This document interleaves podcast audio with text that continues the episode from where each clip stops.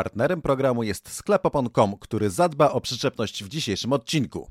Idealną oponę dla swojego auta znajdziesz na stronie naszego partnera. Link w opisie. Zdradzimy teraz e, trochę naszej kuchni. Mhm, Jeszcze No. nie będziemy wycinać. Nie widziałeś tych spodni przed kostkę George'a Russella. Ale to ona po prostu jest spięta, więc Smooth. patrzy na mnie, patrzy na tą wejściówkę i ją zrywa. I ja mówię, what the f...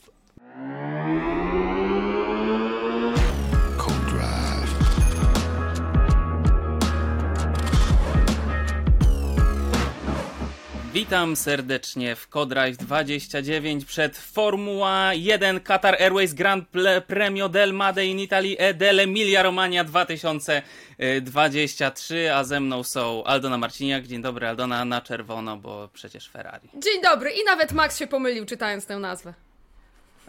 Nawet Max, również Cezary Gutowski jest z nami. Dzień dobry Czarku, Dzień dobry, ja na czarno, czyli Mercedes. czyli Mercedes. Proszę Aldona, słucham. Max, to jest ten moment, w którym dla naszych widzów na YouTubie wklejasz tego mema, w którym Rachel tłumaczy Chandlerowi z przyjaciół, jak się nazywa A, to Grand Prix, a na koniec mówi a Imola! Imola! Dobrze, świetnie. Dziękuję. Teraz będę szukał tego mema. E, witamy Was serdecznie. E, Dzisiaj nie tylko o Imoli, ale też o nowym sezonie Kardashianek, a w roli Kim Kardashian e, Christian Horner. E, porozmawiamy o tym, jak ochroniarze rozstawiają ludzi, którzy kiedyś byli ważni w Formule 1, a teraz są przestawiani z miejsca na miejsce. O nowych bolidach, e, bo niektóre bolidy będą prawie jak nowe, które zobaczymy we Włoszech i o tym, czy to szansa na emocje w tym sezonie. No i oczywiście Grand Prix Emilia Romagna 2023. Ale zaczniemy standardowo szybciutko od propsów i disów za Grand Prix Miami, do którego też na koniec jeszcze wrócimy, ale najpierw propsy i disy. Zacznę ja, bo dawno nie zaczynałem. Mój props dla Maxa Verstappena, który jest najlepszy. Łubu dubu, niech nam żyje mistrz tego klubu. Jest, y, jest świetny. E, Pokazał to zwłaszcza podczas e, stintu na, e, przedłużonego stintu na hardach, kiedy e, e, również Perez jechał na oponach twardych, a Verstappen nie dość, że utrzymał jego tempo, to w zasadzie w pewnym momencie zaczął jechać nawet szybciej. Aldona Marciniak, props za Grand Prix Miami. Mm, Ja w takim razie idę na łatwiznę. Mój props idzie do Fernando Alonso. Czwarte podium w pięciu wyścigach, tylko raz go tam nie było. E, Poza tym to jest e, zawsze wielka przyjemność widzieć go. On się tak cieszy. To jest druga młodość. E, I rzeczywiście zaczynam trochę też lepiej rozumieć, co on ma na myśli, mówiąc, że Aston Martin zrobił wszystko pod niego, wszystko dla niego i to wszystko działa.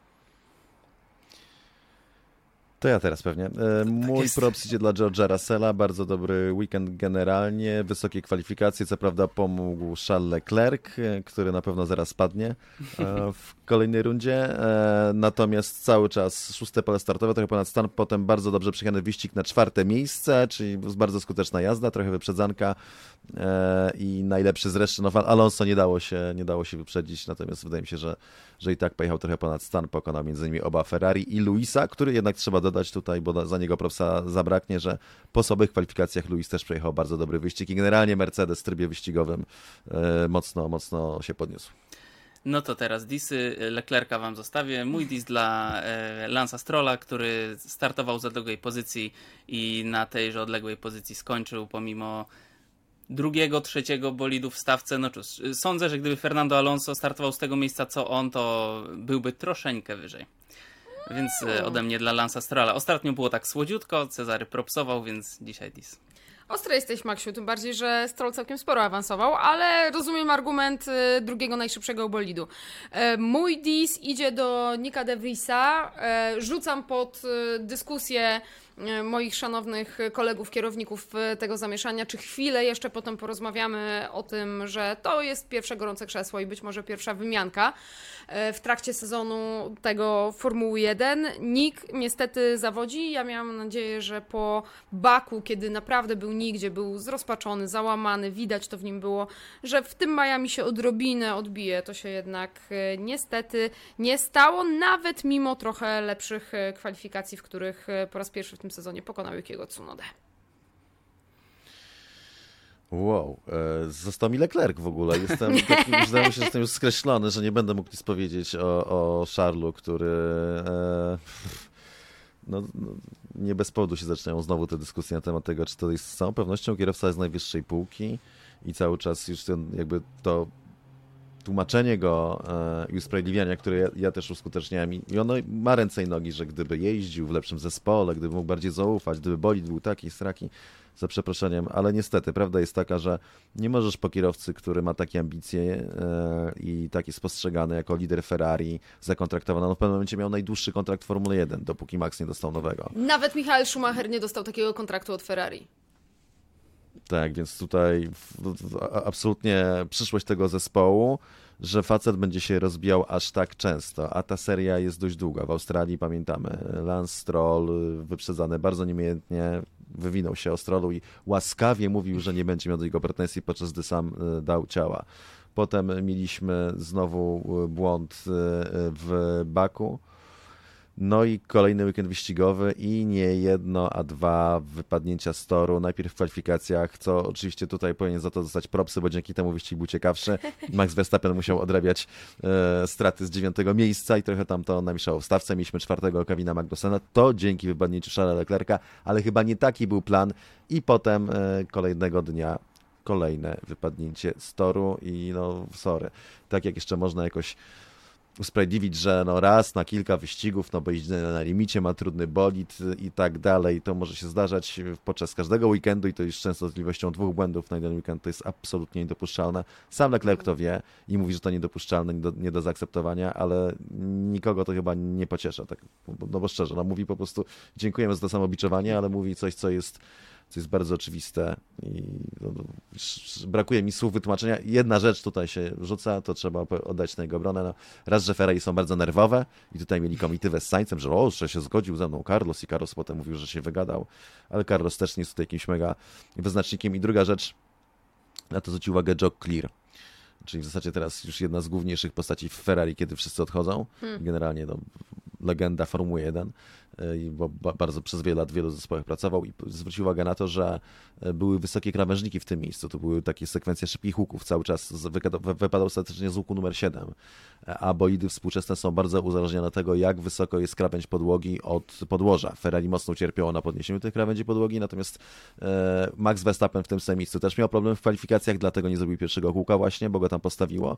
I Jockey zwracał uwagę na to, że w momencie, kiedy mamy wyższą tarkę, to po prostu docisk spada tak gwałtownie, że destabilizuje samochód. I to jest dlatego, miał to jeszcze na poparcie swoich słów ten przykład Maxa Verstappena szczęśliwie, żeby pokazać, że to może dotknąć każdego. I to powiedzmy jest faktycznie jakiś tam argument, który trochę Leclerc tłumaczył, by, gdyby nie fakt, że zrobił dwa razy to samo w tym samym zakręcie i kolejny weekend z rzędu popełnił błąd. Trochę przydługi dis, ale wydaje mi się, że Zasłużone, zasłużone proszę pana, zasłużone. Tak. Nienawidzę go!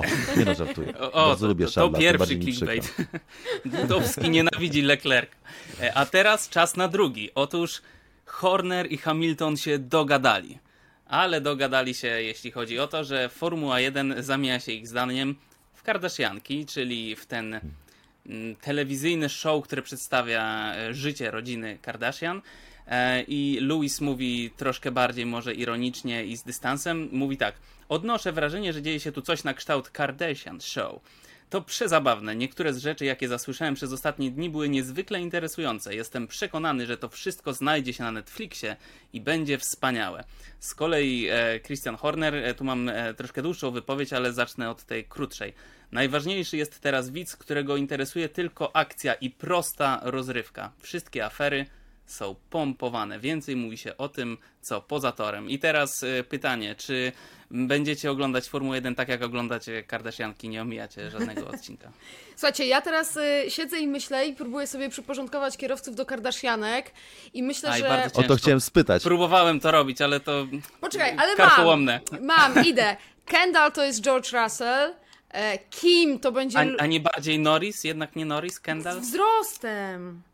Aha, pod tym względem, Wiesz, no dobra. No modelka no. taka tutaj stylowa. No ale to też Norris George... chyba i taki wiesz, na czasie. Nie widziałeś tych spodni przed kostkę George'a Russella. Okay. Mówię ci, to, to jest to, to, to, to jest no skandal, to jest świat mody. Um, Courtney to będzie Yuki Tsunoda. Um, Bodaj niższy, po prostu, okej, okay. dobra. No i teraz pytanie, y, kto jest Kim, kto jest Kylie? No właśnie, no bo Cezary Lewis nie ma Hamilton pojęcia, na pewno o kim którą. Nie, no to Lewis Hamilton musi być kim. Musi być kim. To jest ten a, a, nasz no pierwowzór. tak, tak.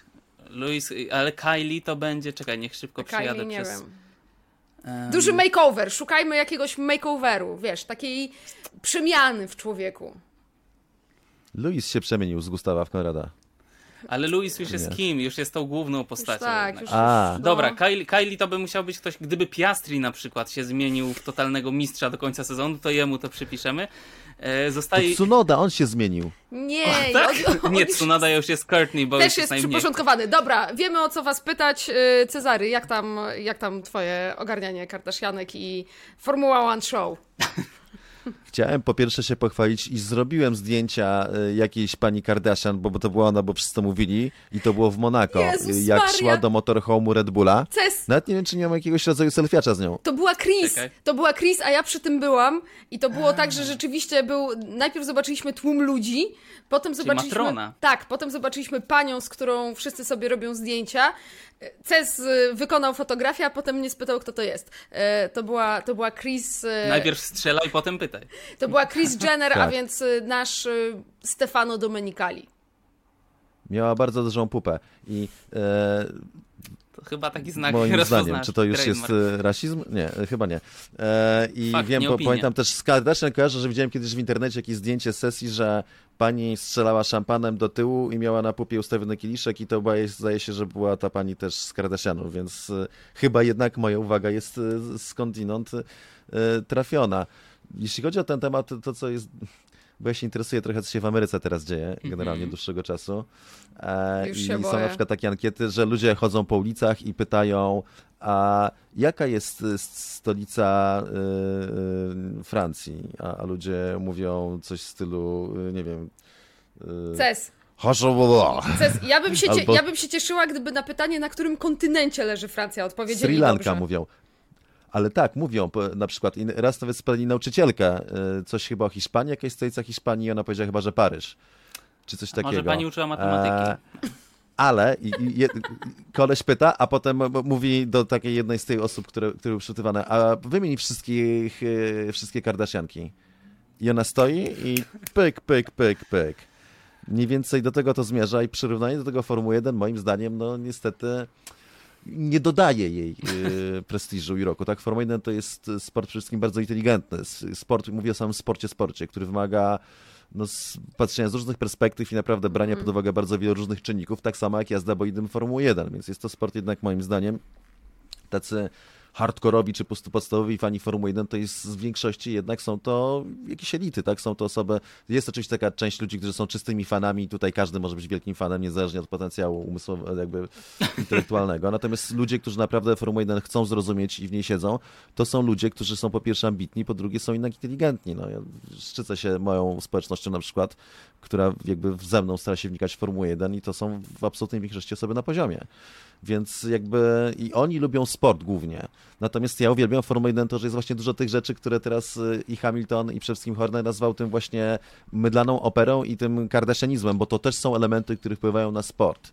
Tylko pytanie, gdzie są jakieś tam granice, prawda, tego, e, tego wszystkiego. To jest ciekawe pytanie w kontekście tego, co się dzieje teraz z Formuły 1, czyli tego jej wejścia na salony, y, tego, że w Las Vegas teraz ma być, y, Las Vegas ma wyznaczyć nowe standardy dla wyścigów Formuły 1, tymczasem oglądamy Grand Prix Miami, do czego chyba jeszcze wrócimy i mamy sytuacje, które no z jednej strony są chwalone, że to jest super prezentacja kierowców, a jednak większość takich fanów zaangażowanych od lat była zniesmaczona, tak samo jak kierowcy, o czym mówiliśmy te, też w pole position na pewno.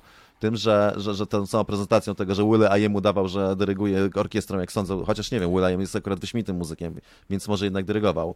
Jakiś LJ Cool, Wade Madafaka, e, wywołujący kierowców i mówiący jakieś e, dziwne rzeczy. E, No, Oj tam mówiący, Szczerze, ja miał akurat mam neutralnie na co do tego. No.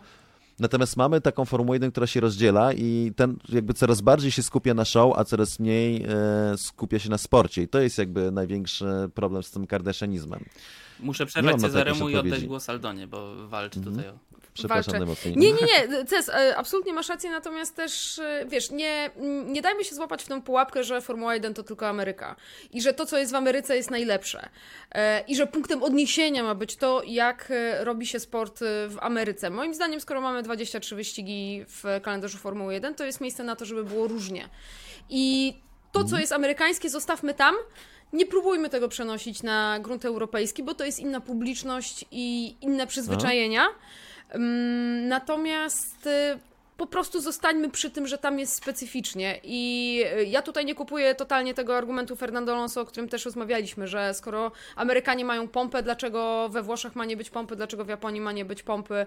Dlatego właśnie, że każdy ten kraj ma swoją, swoją specyfikę i w każdym kraju jest inaczej.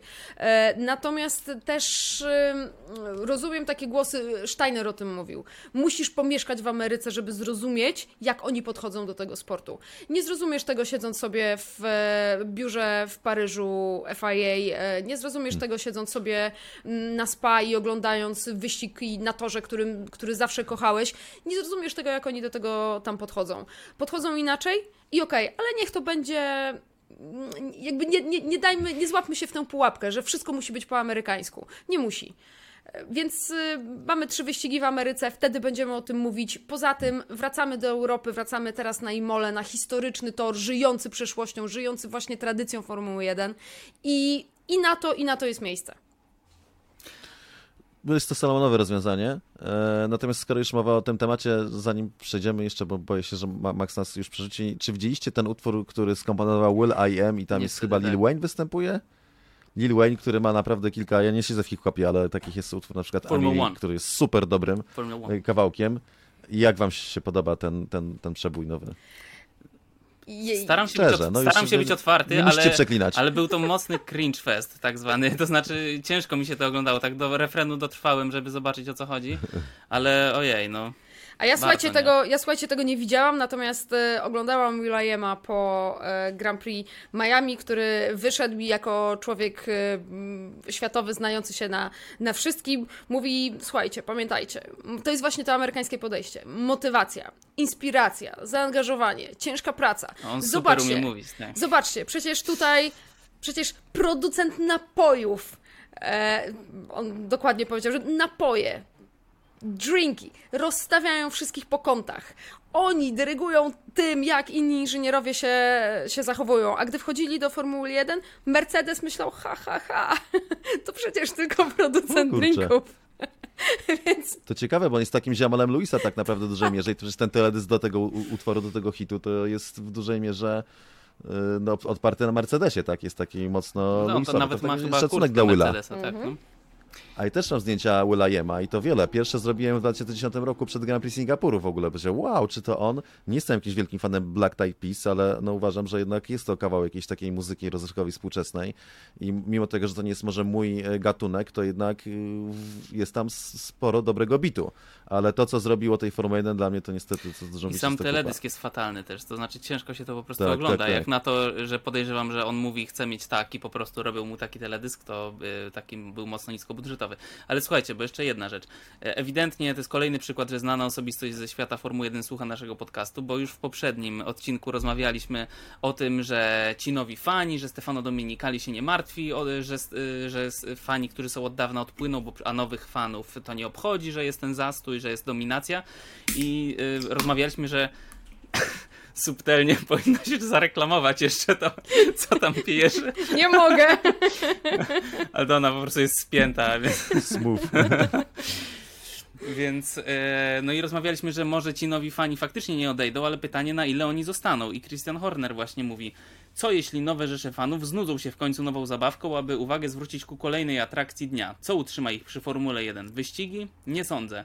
Sądzę, że publiczność, którą przyciągnęliśmy... Nie, Maksiu, Maksiu, no? Maksiu. Słucham. Przepraszam, bo to jest tak. E, no. zdradzimy teraz e, trochę naszej kuchni. Mhm, szczerze, no. nie będziemy wycinać. To jest tak, że ustalamy sobie, e, drodzy nasi czytelnicy i słuchacze, ustalamy sobie jakby jaki będzie program jakby running order tego, dyskutujemy sobie. Na grupie Max wysłał swoje propozycje, ja odsyłam propozycję i wysłałem Maxowi fragment, nie, nieźle obrobiłem, bo tam jest cudzysłów, fragment mojego tekstu do Gazety Wyborczej, a po nim jest cytat. I ten ładnie powiedziany fragment, który brzmi tak jak znajomo mi, o tym, że co zrobią jak Formuła 1, to nie jest Christian Horner. To ja, Cezary Gutowski, piszę do sport.pl, zadaję no, pytanie, rozumiem. a po tym pomyślniku idzie cytat. Rozumiem, w takim razie to nie Christian Hodder, to Cezary Gutowski. Równie ważna, y, równie ważna postać w świecie Formuły 1, która na pewno słuchała naszego poprzedniego odcinka. No dobrze, no cóż, słuchaj, no, mógłby to powiedzieć Christian Horner i nikt by się nie tak. zająknął, absolutnie. E, ale No, no od myślnika, Maksiu, od myślnika. Od myślnika nie odchodzimy z Miami, ponieważ y, w Miami też y, były pewne przepychanki i to takie dosyć mocne, mianowicie pewne osobistości, które zazwyczaj mogą wchodzić gdzie im się podoba, ponieważ y, wszyscy wiedzą kim są i są ważnymi osobami, na przykład Sir Jackie Stewart, trzykrotny mistrz świata Formuły 1, pan w dosyć już podeszłym wieku, e, tutaj próbował przejść przez taśmy VIP, żeby podejść do swojego znajomego Martina Brandle, który przeprowadzał wywiad z, nie do Martina Brando? Nie, do Rogera Federera. Na prośbę Martina tak, Brando. oni byli po tej samej stronie linii, tak. po tej samej stronie barykady byli. Ale Mart... Ale zaraz. To nie było tak, że. To było tak, że oni stali. Dobra, to ja opowiem. No proszę. To było tak, że oni. Chociaż Aldona tam była, to może ona powinna, ale tam były po prostu wydzielone sektory takimi linami, za którymi nie mogli być ludzie, którzy normalnie mogą być prawie wszędzie. E, I Jackie i Martin Brandel powiedział, podzielił się z, z Jackiem Stewartem przemyśleniem, że no chciał zagadać z Rogerem Federerem, ale Federer go zlewa, nie, nie, jakby nie, się nie odwraca, jest daleko, oni są dzieleni linami. I wtedy Jackie Stewart, 83-letni weteran torów Formuły 1, y, przeszedł pod tą liną, co pod nią nie wolno żeby... przechodzić i rzucił się do Federera, nie z nożem i pistoletem, tylko żeby go, Roger, Roger, nie, że może, żeby załatwić Brandlowi wywiad, co jest super fajnie serdeczne. No, ma ten przywilej, że raczej chyba mogłoby się zdawać starszego pana nikt nie będzie bił, aczkolwiek George Russell zaniepokojony w pewnym momencie podszedł i interweniował na wypadek, gdyby coś chcieli robić, bo George Russell mógł, mógł być po tej stronie liny. E, I to ta, tak się rozegrało. A teraz e, back to you, Max. Nie, nie tylko Sir Jackie Stewart, ale również Ralf Schumacher, który nie jest w podeszłym wieku, ale którego też próbowali tam mocno przesunąć i on e, nie przebierał w słowach, bo nazwał ich idiotami. No i co wy o tym sądzicie? Mm, czy to nie powinno być... No proszę, Aldona, ty tam w ogóle Proszę, mów. Wierzcie co, to ja jeszcze dołożę, my mieliśmy w e, Viaplay problem, ponieważ mieliśmy tak jak zwykle zaplanowane łączenie z Davidem Coulthardem, który no może nie jest trzykrotnym mistrzem świata, ale jest e, kierowcą uznanym w e, Formule 1 obecnie w roli reportera e, i eksperta i mieliśmy ogromny problem na żywo, no bo było zaplanowane jego wejście, tymczasem ja dostaję na ucho prowadząc studio informację, nie możemy wejść, bo go nie chcą wpuścić. Jak to go nie chcą wpuścić? Nie chcą go wpuścić. Ja mówię, no dobra, no to pokażmy, że go nie chcą wpuścić. Nie, nie możemy pokazać, bo on się tam szamocze z nimi, bo go nie chcą wpuścić. I, i, i po prostu e, to był bardzo duży bałagan. E, nie powinno tak być. To jest oczywiście rzeczywiście jest tak, że tam było bardzo dużo celebrytów i trzeba to było wszystko ogarnąć. I to był taki już najbardziej mm, zamknięty obszar, gdzie są tylko kierowcy, szykują się do hymnu i do nich mają dostęp tylko niektórzy z liczącej 44 strony listy celebrytów którzy się tam e, pojawiają. I między innymi tam był właśnie Roger Federer, tam były siostry Williams i, i, i tak dalej. E, natomiast, e, no na Boga, to ustalmy, kto tu jest gościem, a kto jest gospodarzem. Czy Formuła 1 jest gospodarzem, Jackie Stewart jest gospodarzem, czy ma się czuć jak gość i się prosić w swoim środowisku o rzeczy, które mu się należą. Które budował. Przecież to są ludzie, którzy tworzyli Formułę 1 przez te dekady, nastawiali karku w czasach, kiedy jak się popełniło błąd, to nie trzepywałeś się i nie szedłeś sobie dalej do, mm. aż ci odbudują bolid, tylko mogłeś lądować w szpitalu albo w trumnie, mówiąc w skrócie. Jackie Stewart, potem Martin Brandel, podobne czasy, Ralf Schumacher, sześciokrotny zwycięzca wyścigów Formuły 1, brat Michaela Schumachera, no to, to akurat brzemię, jak wiemy, po synu, ale ten, ale jednak e, ważna postać i to, to wygląda dość źle i to jest znowu ten przejaw tej amerykanizacji, o której piszę w tekście w Sport.pl właśnie, pokazuje to zderzenie tych dwóch światów nowych i starych i ja rozumiem, bo to jest tak zorganizowane faktycznie, przed gridem o tym chcemy też chyba powiedzieć, jak to wygląda, że jest tam ta lina, która oddziela, za którą nie mogą wyjść nawet no, większość dziennikarzy, tylko określone postaci, tylko w momencie, kiedy mamy ochroniarzy, których miało nie być na gridzie generalnie już po ostatnim incydencie znowu z Brandlem, chodzą i przepychają ludzi, tak, czy właśnie Ralf Schumacher, czy, czy tak, czy biedny Brand też nie może dopchać, gonią biednego Jackiego Stewarta, no to dochodzimy do sytuacji jakiejś takiej absurdalnej, kiedy faktycznie ta Ameryka no, przejmuje Formułę 1 dość mocno, to się zrobi z tego wrogie przyjęcie. Naprawdę się mocno nad tym zastanawiałem, pisząc ten tekst, czy Formuła 1 jest zagrożona. Mamy jeszcze na to naniesiony problem z tym, że, że, że no, tacy fani tradycyjni nie za bardzo mi się podobają pomysły na poprawę Formuły 1. Fani tradycyjni są wkurzeni, że bilety nawet w Europie zrobiły się tak drogie, że nie można ich dostać w zasadzie rok przed wyścigiem, przed potwierdzeniem kalendarza. Y, I to, to pytanie, jakby od którego żeśmy wyszli, na które odpowiedział, odpowiadał Horner, to brzmiało, y, co jeśli ci fani, którzy przyszli właśnie na Netflixa i teraz zalewają tory, odwrócą się, prawda, od Formuły 1, czy, czy ich sport utrzyma przy Formuły 1 ściganie, no i wtedy Russell powiedział, że ściganie raczej nie, prawda, ale z drugiej strony uspokaja, że w zasadzie to zawsze będzie mm, no, Formuła 1, o czym gadać po, po, poza tym, tak, ta mydlana opera, tam jest zawsze wielka polityka, wielkie pieniądze, zresztą sam tak jak uwielbiam ściganie, dla mnie jest najważniejsze, to jednak tematy polityczne są dla mnie ultra ciekawe, ultra ważne i takie właśnie społeczne, to, to co się dzieje w Podoku, to są jakby moje e, na, najważniejsze tak, rzeczy, które mnie interesują, o których mówię. Ale ty, Czarku, też chyba kiedyś nałobuzowałeś troszkę w Walencji, prawda? Opowiesz nam tak, o tym? Tak, no było kilka, tak, było kilka różnych rzeczy, natomiast w Walencji to pamiętam, bo to było coś, historia jest dłuższa, ale jak, jak Robert e, Kubica miał swój wypadek,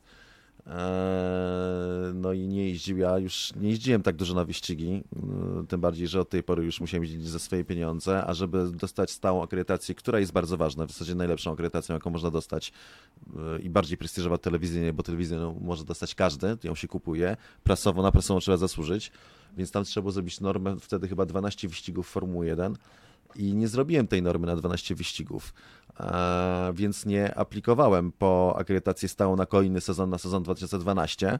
Powiedziałem jednemu koledze, że jest taka opcja, bo mi powiedzieli, że mogę, ale ja uznałem, że skoro wiem, że nie będę jeździł już tyle na wyścigi, to nie będę sobie wyrabiał. Skończyło się na tym, że kolega sobie wyrobił i tak nie jeździł, a ja zostałem z, akredytacją Race by Race, która jest gorsza. Typu na przykład nie daje ci wejścia z automatu na prostą startową, tylko trzeba mm, aplikować. I było coś takiego, że E, przyjechałem na y, wyścig i oni dali mi taką trochę lepszą y, czerwoną akredytację. Zielona to była taka race by race najsłabsza, ale ciągle jesteś w środku, a czerwona taka lepsza, że już no, człowiek jest traktowany trochę poważniej i ma więcej E, więcej, większe pole manewru. No i wchodzę sobie na tego grina na czerwoną, chodzę, chodzę, podchodzi do mnie jakiś koleś taki w koszulce FOMu, czyli organizatora, takich białych chodzą w koszulkach i widać, oni, to, oni tym tak naprawdę rządzą, nie FIA, tylko, tylko FOM, czyli wtedy Berlin, teraz Liberty Media, oni rządzą Formułą 1 de facto. Patrzy na mnie, patrzy na tą wejściówkę i ją zrywa. I ja mówię, what the f... Nie mówię, what, co ci kurde... Przecież nie masz prawa być na gridzie. Jak to nie mam prawa być na gridzie? On, on ją odwraca, pyk, a tam napis że no access to the grid. Ja tak, takie e, scena do kolan. No i wyszedłem z tego gridu, on mi ją zabrał w ogóle. E, a jeszcze na nią przecież musisz wejść do biura prasowego, więc po prostu musiałem olać ochroniarzy i wszedłem bez niej, powiedziałem sorry, ale zgubiłem, urywają się czasami te wejściówki. No i potem mnie zawezwał ówczesny szef, e, szef, e, znaczy ja sam poszedłem od razu, szef prasowy FIA, bo to jest osobna organizacja. Dziennikarze piszący są od FIA, dziennikarze telewizyjni są ci, którzy, czyli te, płacący, nie dziennikarze, tylko telewizji są od strony FOMU. No i mówię mu, że ten, on, że, że, że była taka sytuacja, a on mi już pokazuje, że już ją ma w ręku. Eee, I no mówi, co, co ci strzeliło do głowy? Ja mówię, no słuchaj, Mateo, no zawsze miałem czerwoną blachę, czerwona blacha dała mi wejście na grid, wpuścili mnie z nią na grida, byłem przekonany, że mogę. No ale Matteo Bonciani, zresztą prze, przefajny człowiek, teraz pracuje w Pirelli Włoch, eee, mówi, wiesz co, Cezar, powinienem ci zabrać prawo przyjazdu na dwa kolejne wyścigi. Mówię, ale rozumiem, lubię cię. Okej, okay, nie, nic się nie stało, ale uważaj następnym razem. Więc naprawdę osoby, a przecież byłem na to był mój, nie wiem, 100 powiedzmy 20 wyścig formuły jest jakiś taki naprawdę już zaawansowany, że nawet osoby, które się poruszają po tym środowisku i znają te wszystkie korytarze, potrafią się jakby w, w niejedną sytuację wplątać. To ja tylko powiem, że Mateo, który niestety już w Pirelli nie pracuje, e, a szkoda, bo takich postaci, które tak znają Formułę 1 jest bardzo mało, mało. E, do tej pory wspomina tę sytuację, jak rok temu przyjechał na Le Mans i gdzieś tam się spotkaliśmy przy jakimś piwku, to do Cezarego, no, no, no, no, no, co ty mi wtedy bólu głowy zrobiłeś i co ja musiałem się dałeś natłumaczyć się, dałeś się zapamiętać. Bo go ciśnie fam, nie? Że tutaj tak. jak to jest w ogóle i wiesz, ma, ma, ma, musi być ukarany i tak, bo to tak funkcjonuje. Tak, tak, tak, tak po prostu FOM rządzi ostatecznie, czyli ci od telewizji, czyli ci, którzy e, chcieli, bo to byli ochroniarze FOMu, tego Jackiego Stewarta, -hmm. ci, mhm. którzy pchali Ralfa Schumachera, to byli pracownicy FOMu, tylko że amerykańscy ochroniarze w Ameryce. Powinni mieć takie podręczniki ze zdjęciami, że tam Sir Jackie Stewart wpuszczamy i tak szybko kartkuje. Encyklopedię. Tak, e, słuchaj, a jak jest taka e, ta stała wejściówka, czyli, znaczy wejściówka, akredytacja, wejściówka, czyli robisz powiedzmy te 12 wyścigów i to ci daje stałą akredytację na przyszły sezon i w przyszłym sezonie, jeżeli chcesz na następnym, to, to, znowu musisz jakby co roku Minimum to 14 nakręcasz. wyścigów plus oczywiście odpowiednie medium i okay. wielkości i tak dalej, tak to okay. wygląda. Rozumiem.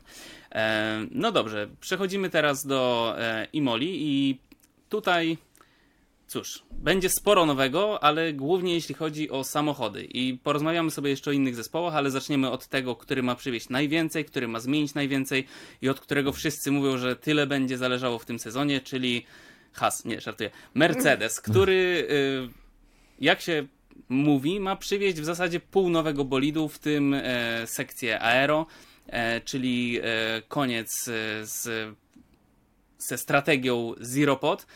No i mi się nasuwa jedno pytanie, przede wszystkim. Co, jeżeli oni przestrzelą również z tą koncepcją? No to sezon jest spisany na straty. Y, sezon i tak jest spisany na straty, jeżeli chodzi o walkę o jakieś najwyższe cele. W tej chwili możemy mówić o walce o pojedyncze zwycięstwa jako maksimum absolutnym do osiągnięcia. Natomiast y, no tutaj jest y, bigger fish to fry. Tutaj walczymy o całą przyszłość. Wal... Większa ryba do usmażenia. Tak jest. Bo niektórzy czasem... A tą, tak, tak, tak. A tą rybą częściowo, tym wielorybem jest Lewis Hamilton, który i to wiem z wielu różnych źródeł jest naprawdę bardzo zły na zespół za to, że go nie posłuchali. Za to, że hmm. gdy on pierwszy raz przejechał tym samochodem, gdy my jeszcze na testach się zastanawialiśmy, co ten Mercedes wykombinował i Jezus Maria wszystkim odskoczy i kolejne lata dominacji Mercedesa, kiedy oni nie trafili i on im to powiedział. E, I oni nie dość, że się z tego nie wycofali w zeszłym sezonie, to się nie wycofali z tego na początek tego sezonu. I tego Lewis poszli. Hamilton im nie może wybaczyć, że ten sezon zaczęli z tą samą koncepcją i dopiero tak naprawdę w Bahrajnie, kiedy okazało się, jaki to jest dramat, to podjęli e, tę ostateczną decyzję, żeby mm, zmienić e, ten samochód. On też nie będzie wyglądał dokładnie tak jak Red Bull, bez przesady. E, natomiast zmieniają całą tą podstawową koncepcję. No i widzicie, i tutaj też jest problem. Oczywiście ich podstawowym celem jest to, żeby żeby móc przede wszystkim jeździć tym samochodem niżej. E, na stałe, nie tylko w niektórych wyścigach, na niektórych torach, tylko, tylko zawsze i w niektórych sesjach. Natomiast pytanie, to jest tak naprawdę zabawa od zera, bo w tej chwili o tym samochodzie pewne rzeczy już wiemy. Wiemy, że ma lepsze tempo wyścigowe niż kwalifikacyjne. Wiemy to nawet po ostatnim wyścigu, kiedy mm, Hamilton świetnie mm, przedzierał się do góry, George Russell e, był tuż poza podium i tak dalej jaki będzie ten nowy samochód, jakie będą jego mocne strony, jakie będą jego słabe strony. Nie wiesz tego, nie masz pojęcia, a tak naprawdę nie masz też jakoś bardzo, bardzo dużo czasu, żeby, żeby nad tym wszystkim pracować, więc w dawnych no czasach, właśnie. i to już jest ostatnie zdanie i zaraz Ci oddaję CES głos, w dawnych czasach, bez limitu budżetowego, e, oni by mieli całą fabrykę pełną części i nowych koncepcji. Limit budżetowy mm. jest ostatecznie tym, co tutaj ich trzyma mm, na smyczy. E, I może się okazać no, takim game changerem w, w dłuższej perspektywie. E, tak właśnie się trzyma za, za smycz, jakby ktoś się zastanawiał. Ja właśnie się zobacz, że słyszę się, tak, tak, się coś innego chyba trzyma. Tak Ale... się kury maca. No, ładnie wybrnęła. Widziałem pół sekundy zawahania, ale pro, full profeska. No dobrze, Czarku, a ty co uważasz? Czy to jest ostatnia nadzieja na emocje, ten nowy bolid Mercedesa? E, tam nie ma nadziei na emocje. Wątpię, że będą goni Red Bulla, po pierwsze.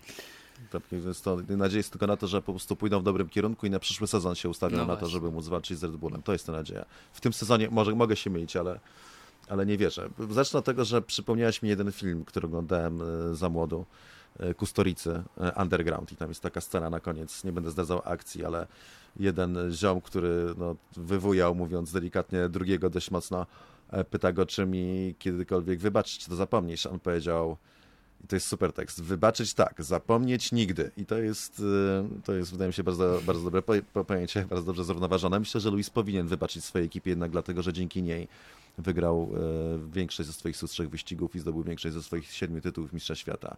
I po prostu. I, i pięknie mówił o tym, że wygrywamy razem i przegrywamy razem po tym, jak mu nie wyszedł jeden wyścig z 18 e, zdominowanych a co innego, kiedy faktycznie trzeba mieć przegrywać razem, prawda? To wtedy, wydaje mi się, wtedy te cechy e, e, mają większe znaczenie. Mercedes, tak, nowe przednie zawieszenie, no bo aerodynamika za, za, zaczyna się z przodu, mówiąc w skrócie, i przednie elementy zawieszenia odgrywają wielką rolę w tym, jak potem będzie przebiegało powietrze wokół, boli, wokół bolidu. Oczywiście kluczowe jest przednie skrzydło, bo to jest ten początek styczności z tym powietrzem, które potem jest go, zagospodarowane przez wszystkie elementy wokół bolidu, znaczy albo roz, roz, rozpraszane, tak, opony z tworzą turbulencje i, i zakłócają, więc mamy po to te elementy, żeby jakby jak najlepiej to powietrze pływało wokół opon i dalej było do wykorzystania.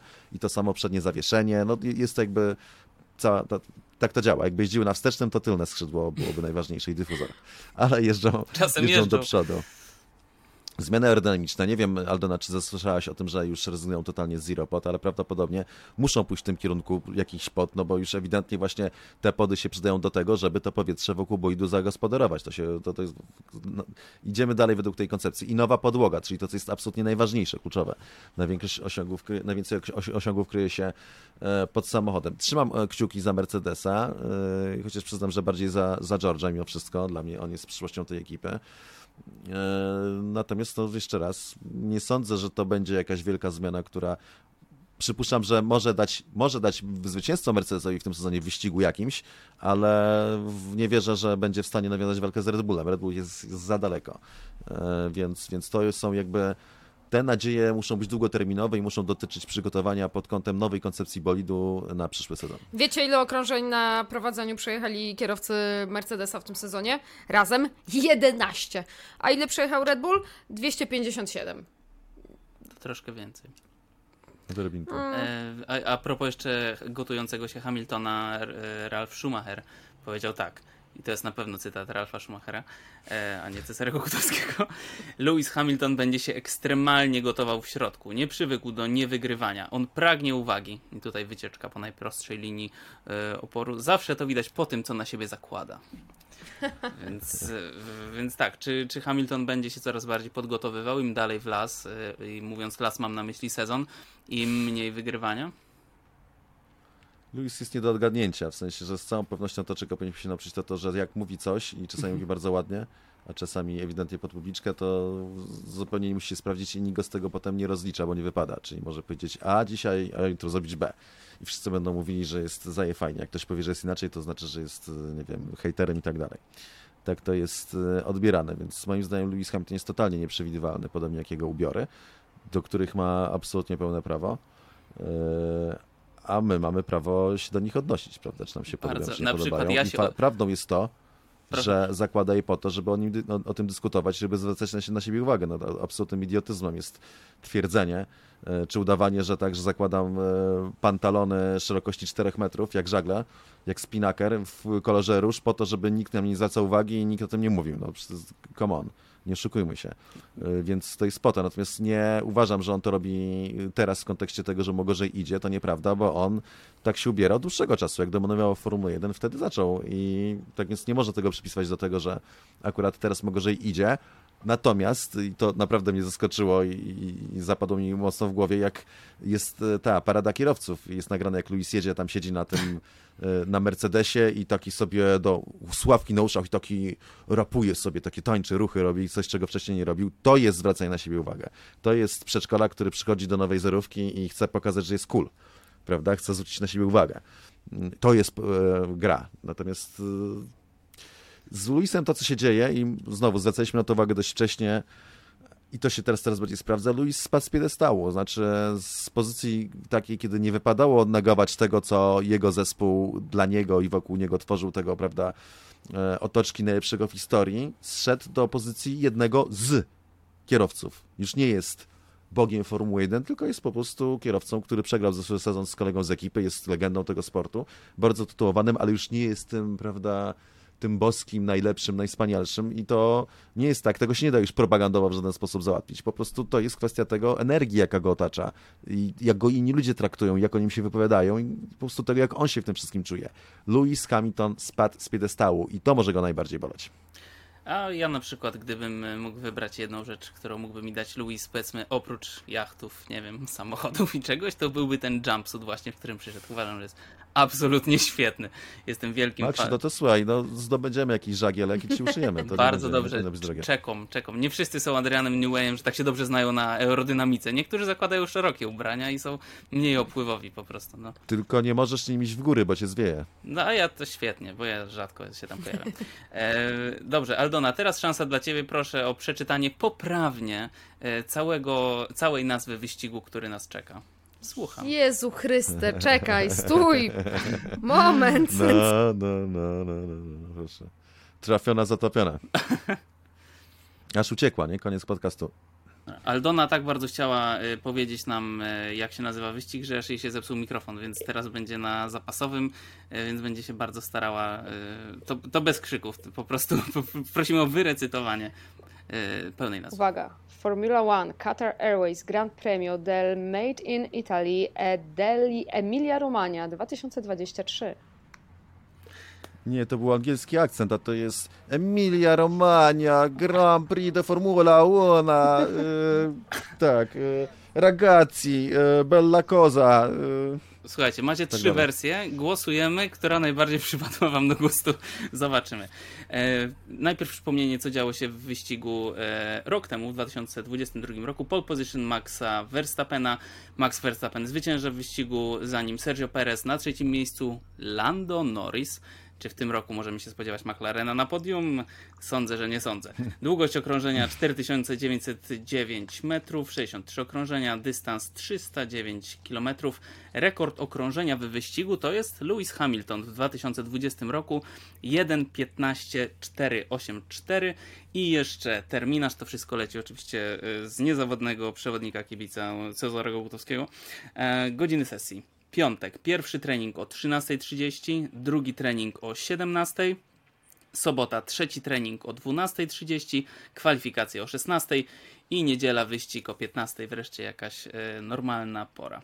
E, najpierw... A w zeszłym roku sprint był, trzeba jeszcze przypomnieć. A tak, prawda? tak, to był jeszcze na, weekend sprinterski, tak, tak, tak, ale w tym roku nie. E, powiedzcie, czy wy w ogóle lubicie ten tor? Eee, yy, mi się ten tor kojarzy z tym, że sobie wziąłem jakiś zajebisty bilet na lotnisko, który wydawało mi się, nie, do dziś nie wiem dlaczego tak wybrałem, że będzie blisko, a okazało się, że to będzie najbliżej zamiast do Bolonii poleciałem gdzieś pod Wenecję i musiałem yy, przejechać półtorej godziny z tej Wenecji po czym okazało się, że tak jak zawsze, i to znowu to dzięki Liberty, tak jak zawsze były wejściówki dla dziennikarzy wjazdówki na parking, tak się okazało, że już zabrakło wjazdówek na parking, a to był piątek rano, bo chciałem po prostu sobie jeden dzień zaoszczędzić, więc piątek rano przyjechałem. Nie miałem wjazdówki na parking, którą, więc musiałem. Prze... Oczywiście udało mi się ugadać ochroniarzy, żeby mnie puścili czwartek na tor, a potem mi yy, Olek miał, bo oni po prostu rozdawali wszystkim te wejściówki, niezależnie czy ktoś potrzebował, czy nie. Były w takich pakunkach z akredytacjami. I Olek dał mi swoją wjazdówkę, bo on był jakby szerował samochód z kimś więc do, dostałem wjazdówkę, więc totalny burdel, mówiąc w skrócie, nie, nie, nie ukrywając, bordello bum bum. Na miejscu okazało się, że nie ma gdzie mnie usadzić, bo gdzieś tam w tym naprawdę obskurnym biurze prasowym yy, po prostu nie przeczyli, że będzie aż tylu ludzi, a jeszcze w jednym miejscu to dach przeciekał, jak w misiu. Yy, I to prawda, że przeciekał, yy, tym bardziej, że jednak trochę padało więc y, zabrakło im trzech biurek, więc wyrzucali z biurka innego faceta, którego mi było głupio, więc mówiłem, przepraszam, przykro mi, ale no nie, no trudno, bo on akurat pracował dla nich, żebym ja gdzieś mógł usiąść gdzieś na jakimś zydlu, gdzieś na rogu, żebym miał gdzie usiąść i mógł ten, jakby przy tym wyścigu pracować. Oczywiście do, do monitorów było dość daleko, więc też było ciężko oglądać ten wyścig. Oglądałem go de facto na swoim komputerze i na y, tym, na telefonie jednym jeszcze miałem odpalone, bo po prostu monitory były y, zbyt daleko. E, więc świetna organizacja.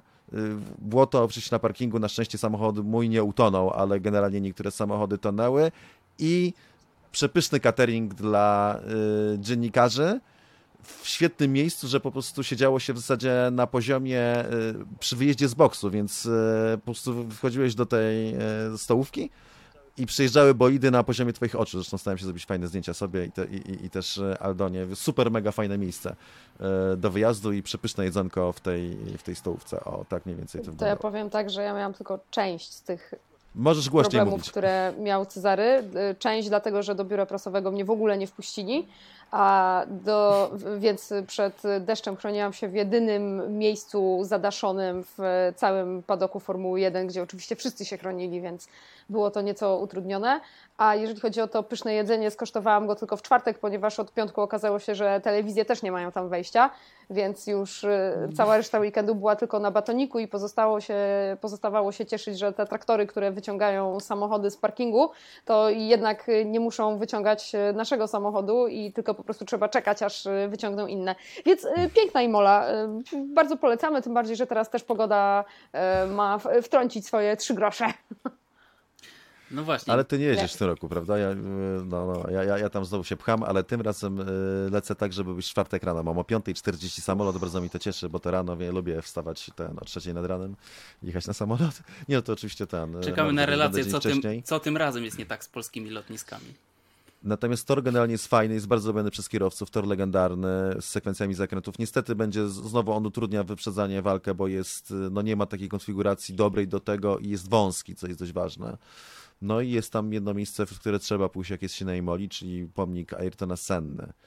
E, w, w, miejscu, gdzie był kiedyś łuk Tamburello, teraz tam jest szykana. On jest we, od wewnętrznej strony toru, trzeba pójść. E, przepiękny pomnik, naprawdę bardzo, bardzo ładny, wzruszający.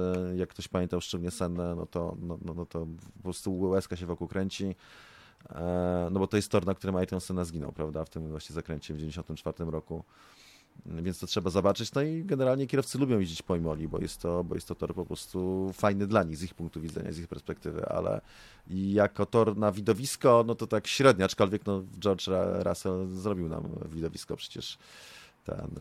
Yy, atakując Walteriego Bottasa na przykład trzy, trzy lata temu, tak? Dwa lata temu to było. E, więc od czasu do czasu coś tam się wydarzy. Max Verstappen wywożący Louisa Hamiltona, atakującego go poza, ten, poza szykanę w 2021 roku, jeśli dobrze pamiętam, tego typu wydarzenia też nam zapadły w pamięci i to była Imola właśnie. Ale to też nie jest tak, że nie będzie żadnych nowinek, ponieważ e, to jest jeden z dwóch weekendów w tym sezonie, kiedy to będzie testowana nowa strategia, jeśli chodzi o opony, ponieważ będą kierowcy mieli dwa komplety mniej, e, z 13 11, e, ale to przenosi się też na kwalifikacje, ponieważ teraz w Q1 kierowcy będą musieli, musieli używać opon twardych, w Q2 mediumów, a w Q3 dopiero softów opon miękkich. I y, czy uważacie, że ten pomysł ma potencjał, czy to jeden z wielu z, po prostu z garnuszka, z którego się losuje, spróbujmy, żeby było fajniej. Bo oni chcą zobaczyć, czy mm, dokładnie co to jest taki, czy obniżenie ilości kompletów opon wpłynie na rozgrywkę między kierowcami i zespołami. Aldona, co uważasz? Czy to już e, troszeczkę przesada? Czy, czy, co, czy w ogóle nie będzie żadnego znaczenia? Wiesz co, no szczęśliwie y, na razie tylko próbujemy. E, znaczenie będzie to miało na pewno, ponieważ nawet pozostając przy jednej mieszance, a więc oczywiście e, miękkiej mieszance, kierowcy odczuwają znaczącą zmianę w zachowaniu samochodu pomiędzy e, Q1 a Q3. Bardzo często tak jest.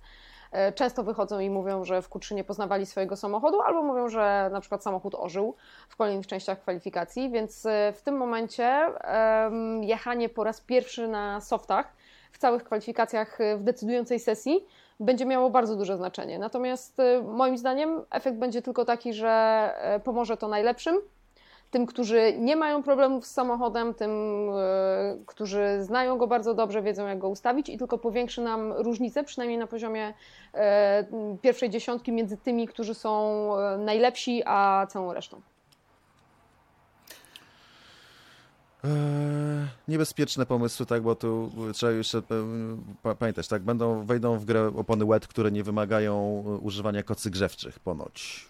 Poprzednie łety z kocami grzewczymi przez lata były absolutnie fatalne. Pirelli nic z tym nie robiło, udawano, że są dobre, a były do niczego. Te mają być lepsze i do tego bez kocy grzewczych idzie cała w ogóle e, cały plan, żeby ich nie używać, dlatego żeby Formuła 1 nie używała prądu do kocy grzewczych po to, żeby jakby ziemia była bardziej zielona. E, bo dwutlenek węgla, ten, żeby mniej dwutlenku węgla e, udzielać. To jest niebezpieczne. Teraz jak będzie zimny weekend na Imoli, twarde opony na Q1 i to, to mówili wszyscy kierowcy tacy ogarnięci, począwszy od Maxa Verstappena, że to jest po prostu niebezpieczny pomysł.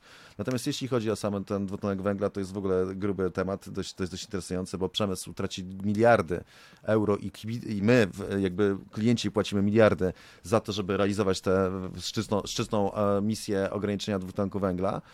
Formuła 1 ma tę misję Carbon Zero, czyli znowu ogromne wydatki i niebezpieczne bardzo pomysły zakazu używania ogrzewaczy opon, e, niebezpieczne po to, żeby było mniej dwutlenku węgla w powietrzu, do tego stopnia, że teraz w Lemą y, znieśli na jeden wyścig ten zakaz, bo jednak zbytnie niebezpieczne to jest i Lemą jest zbyt ważnym wyścigiem, więc na ten jeden wyścig będą mogli używać w łeku ogrzewaczy opon, a potem znowu to będzie zabronione. Natomiast teraz ja siedzę w tym temacie dość mocno. Ostatnio jest taki człowiek, który się nazywa Patrick Moore i to od razu polecam, to jest y, współtwórca Greenpeace'u i były, biły e, prezes Greenpeace'u i on napisał teraz książkę bardzo dobrą na temat wszystkich mitów, które się rozpowszechnia na temat e, tego zagrożenia klimatycznego i najciekawszy fragment, chociaż jest bardzo ciekawy e, generalnie, dotyczy dwutlenku węgla emisji.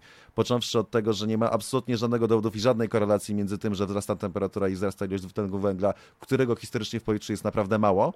Generalnie jesteśmy jakby na niskim końcu. Nie ma żadnej korelacji między wzrostem temperatur. Jest to normalna zmiana klimatu, która jest jakby wpisana w cykl klimatyczny Ziemi.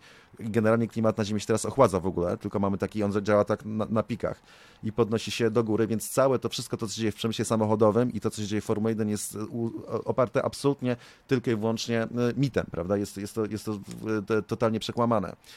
Yy, no więc w tym momencie, jeżeli robimy takie ruchy, tak, i, i nadajemy sobie taką misję i niebezpieczne eksperymenty, to, to się zastanawiamy, no, to jak, do, do, czego to prowadzi, jaki jest powód w ogóle, żeby robić takie rzeczy. Tak więc no, to jest jakby element może wykraczający poza temat tego podcastu, ale czymś, czym warto się za, zainteresować, bo jest to aż szokujące, kiedy się człowiek wczyta w prawdziwe naukowe źródła, coś tak naprawdę z dwutlenkiem węgla, e, dochodząc do punktu, w którym e, fizycznie jest pokazane, NASA to widać to zresztą na, na zdjęciach satelitarnych, że dzięki temu, że jest więcej dwutlenku węgla w powietrzu, to się Ziemia robi bardziej zielona, a najbardziej w tych rejonach, które były wcześniej stepowe, dlatego że rośliny zużywają mniej, jakby tracą mniej wody, bo jest więcej dwutlenku węgla w powietrzu, mniej otwierają pory, żeby pobierać paliwo swoje. W związku z tym Ziemia robi się zieleńsza dzięki temu, że mamy w powietrzu więcej dwutlenku węgla. Nie będę wchodził w te tematy, ponieważ zbliżamy się już do końca naszego czasu. Wydaje mi się, że stwierdzenie, że klimat się ochładza jest pewnym uproszczeniem, ponieważ nie ochładza się, ale możemy do tego... Ochładza się, Maksiu. Jesteśmy w 10-tysięcznym cyklu, e, generalnie w 100-tysięcznym cyklu dochodzenia Ziemia miała swój pik temperaturowy, teraz znowu, schodzi znowu w dół generalnie i to jest stała, to się dzieje, to jest rejestrowane od XIX wieku, a są dane na, na 10 tysięcy lat wstecz, bo wyciągane są te jakby próbki lodu na Islandii, ale też mhm. z ziemi w innych częściach ziemi po prostu, które pokazują zmiany klimatyczne. I generalnie Ziemia teraz jest na jakimś szpiku temperaturowym, jest o wiele chłodniejsza niż była 3000 y, lat temu, czy 2000 lat temu generalnie. E, i nie ma absolutnie żadnego powiązania naukowego między wzrostem temperatur na Ziemi teraz, a tym, że jest więcej dwutlenku węgla. Ale jest powiązane z tym, że jest więcej zieleni, bo jest więcej dwutlenku węgla. Nie znam tej książki, więc też się nie będę wypowiadał. Program ci polecam, jest naprawdę bardzo dobry.